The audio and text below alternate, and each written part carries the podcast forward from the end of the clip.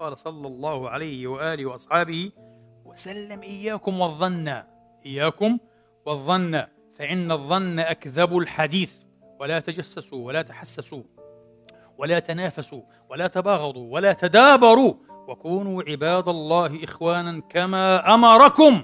المسلم أخو المسلم لا يظلمه ولا يخذله ولا يسلمه بحسب امرئ من الشر.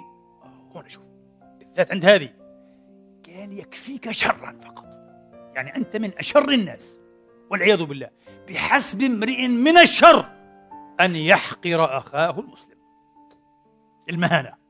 دين يسد الأبواب كلها على الهوان والإهانة وثقافة المهانة. قال بحسب امرئ من الشر أن يحقر أخاه المسلم. الإسلام ضد المهانة ضد الإهانة ضد أن تمس بكرامة الناس.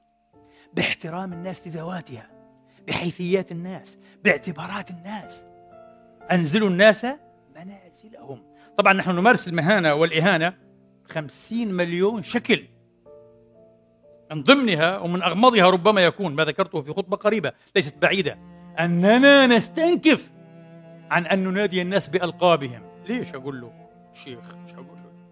ليش أقول له دكتور؟ مش هقول له ما دام أنا حتى بالطب مش عنده؟ إذا كان دكتور طب ومش محتاجه مش حقول له؟ حقول له يا أخ كيف حالك يا أخ عقد نفسية. أمراض وضاحة في الشخصية. الدين ضد هذا تماما. أنزلوا الناس منازلهم. كل واحد يأخذ قدره. لا بنكبره بننفخه ولا بنصغره عن قدره بنكون ظلمة. هكذا نظلم ممنوع الظلم. في كل شيء وفاء وتطفيف. ويل للمطففين. الذين إذا اكتالوا على الناس يستوفون. لا يا أخي خاطبني بلقبي خاطبني بحيثياتي. طيب أنت خاطب الناس بحيثيات أيضا. كل الناس. مش هو كل الناس. تعلم هذا. أشع هذه الثقافة. أشع. إذا أنت تمتعض وكذا أشع هذه الثقافة. احترم الناس كي تحترم. أبو ذر الغفاري من غفار. فارس. آه. غفار. هذا الصحابي الجليل السباق الإسلام والتوحيد. يغضب مرة في الحديث الذي تعرفونه جميعا. فيعير بلال يا ابن السوداء يقول له. شو أمك حبشية؟ يا ابن السوداء. فيغضب النبي غضبا. قل أن غضب مثله. طف الصاع. النبي يقول طف الصاع. لم يبقى ما يسكت عليه. لا يمكن السكوت. هذا معنى كلام طف الصاع. طف الصاع يا أبا ذر. ليس لابن البيضاء على ابن السوداء من فضل. إلا بالتقوى تعيره بأمه إنك امرؤ فيك جاهلية. قالوا ليس بهذا بعث ليس هذا ديني ليس هذا شرعي. أن يسب الناس وأن يعيروا بألوانهم وأعراقهم وأصولهم فضلا عن أشكالهم أو مهنهم. وما كملناش الحديث على فكرة حديث البخاري ومسلم. بحسب امرئ من الشر أن يحقر أخاه المسلم كل المسلم على المسلم حرام. دمه وعرضه وماله. كله حرام. في حديث سعيد بن زيد عند الإمام أحمد في مسنده وإسناده جيد قال عليه الصلاة وأفضل السلام إن من أربى الربا. تعرفون الربا؟ الربا الذنب الوحيد في كتاب الله الذي آذن الله متعاطيه بحرب. فأذنوا بحرب من الله ورسوله. تخيل واحد بخش في حرب مع الله مدمر قطعا لا محالة. هذا الربا الربا شيء مخيف جدا جدا جدا. وصاحبه مذكور في كتاب الله إيه؟ مصيره يوم القيامة. يتخبط كما يتخبط يقول يبعث يوم القيامة. يقومون يعني يوم القيامة يعني. آه. كالذي يتخبطه الشيطان من المس والعياذ بالله. النبي قال في شيء أسوأ من الربا. أربى الربا أسوأ وأردى وأبشع وأشنع الربا. استطالة المرء في عرض أخيه المسلم بغير حق. الكذاب النصاب الدجال ابن كذا ابن كذا. روح انت أنت انتهيت. أنت انتهيت يا ابني انتهيت يا أخي دون أن تدري. الذي تفعله بنفسك؟ ليه؟ هنشوف ليش. قصة طويلة تحتاج إلى خطبة أخرى. هن اربى الربا ابن عمر في الحديث الجليل الجميل. يطوف بالكعبة يقول ما أطيبك؟ وأطيب ريحك؟ وما أعظم حرمتك عند الله؟ وأشهد لسمعت رسول الله صلى الله عليه وآله يطوف بك ويقول ما أطيبك؟ وأطيب ريحك. وما أعظم حرمتك عند الله والذي نفس محمد بيده.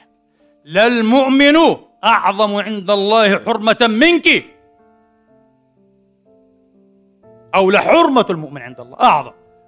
لأنه قال على البدل دمه على البدل دمه وعرضه وفي رواية وماله وألا نظن به السوء. يا الله. من كرامة المسلم ألا تظن به السوء. من من نصبك على الناس؟ لماذا تذبح نفسك بغير سكين؟ من ولي القضاء فقد ذبح بغير هذا؟ هذا القاضي. أنت لو وليت قضاء والله عافاك من هذه البلية. ليش شغال في الناس قاضي؟ أنا بظن أنا برجح إنه هذا كذا كذا إنه هذا كذا كذا إنه هذيك كذا كذا كذا إنه هذا مش إيش إيش دخلك؟ إيش دخلك؟ خليها لنصابي السياسة ودجالي التحاليل والمدفوع لهم. أنت عبد الله المسكين بدك الجنة صح؟ وبتلقاش غضب الله. اشتغل صح. اشتغل بدينك. يا إخواني يا إخواني هذه الفترة بالذات والله صار لي يعني أشهر طويلة أقسم بالله. لو قيل لي يا عدنان يا أخانا وجه كلمة أخوية نصيحة مشفقة لإخوانك وأبنائك وأحبابك إخوانك في الدين والملة من الأبناء والبنات كلمة واحدة. أقول لهم والله العظيم كلمة واحدة. نفسي. حذاري. حذاري حذاري. أن تستسهلوا في الانسياق مع التيار الآن.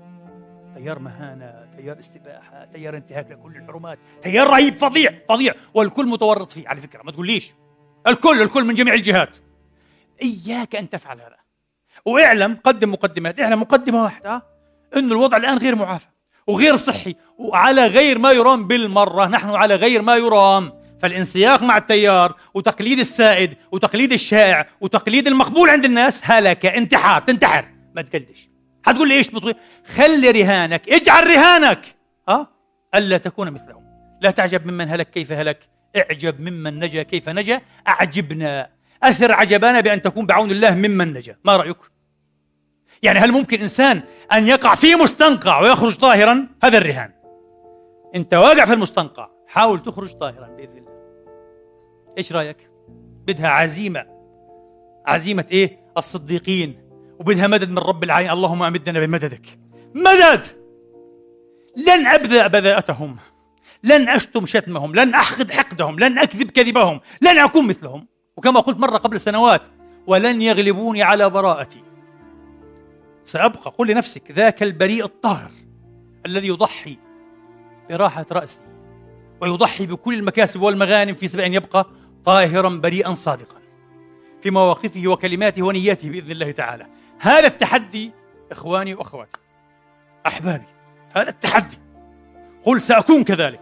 وعلى فكرة سيكتب لك بإذن الله أجر المصلحين لأنك دون أن تدري ستكون مصلحا بعد. ستقيم من نفسك نموذجا معجبا. يثير العجب الإعجاب الاحترام. والناس تبدأ تتخيل طريقك ولو شيئا فشيئا. فردا ففردا. جميل! وهناك ثان وهناك ثالث وهنالك رابع. جميل! وخير من أن نلعن الظلام. أن إيه؟ أن نوقد شمعة. لنكن تلك الشموع المضيئة لأبنائنا وبناتنا بإذن الله تبارك وتعالى في هذا الزمان الحالك القاتم الكئيب يا إخواني. نسأل الله أن يحول الأحوال إلى خير حال بإذن الله تبارك وتعالى.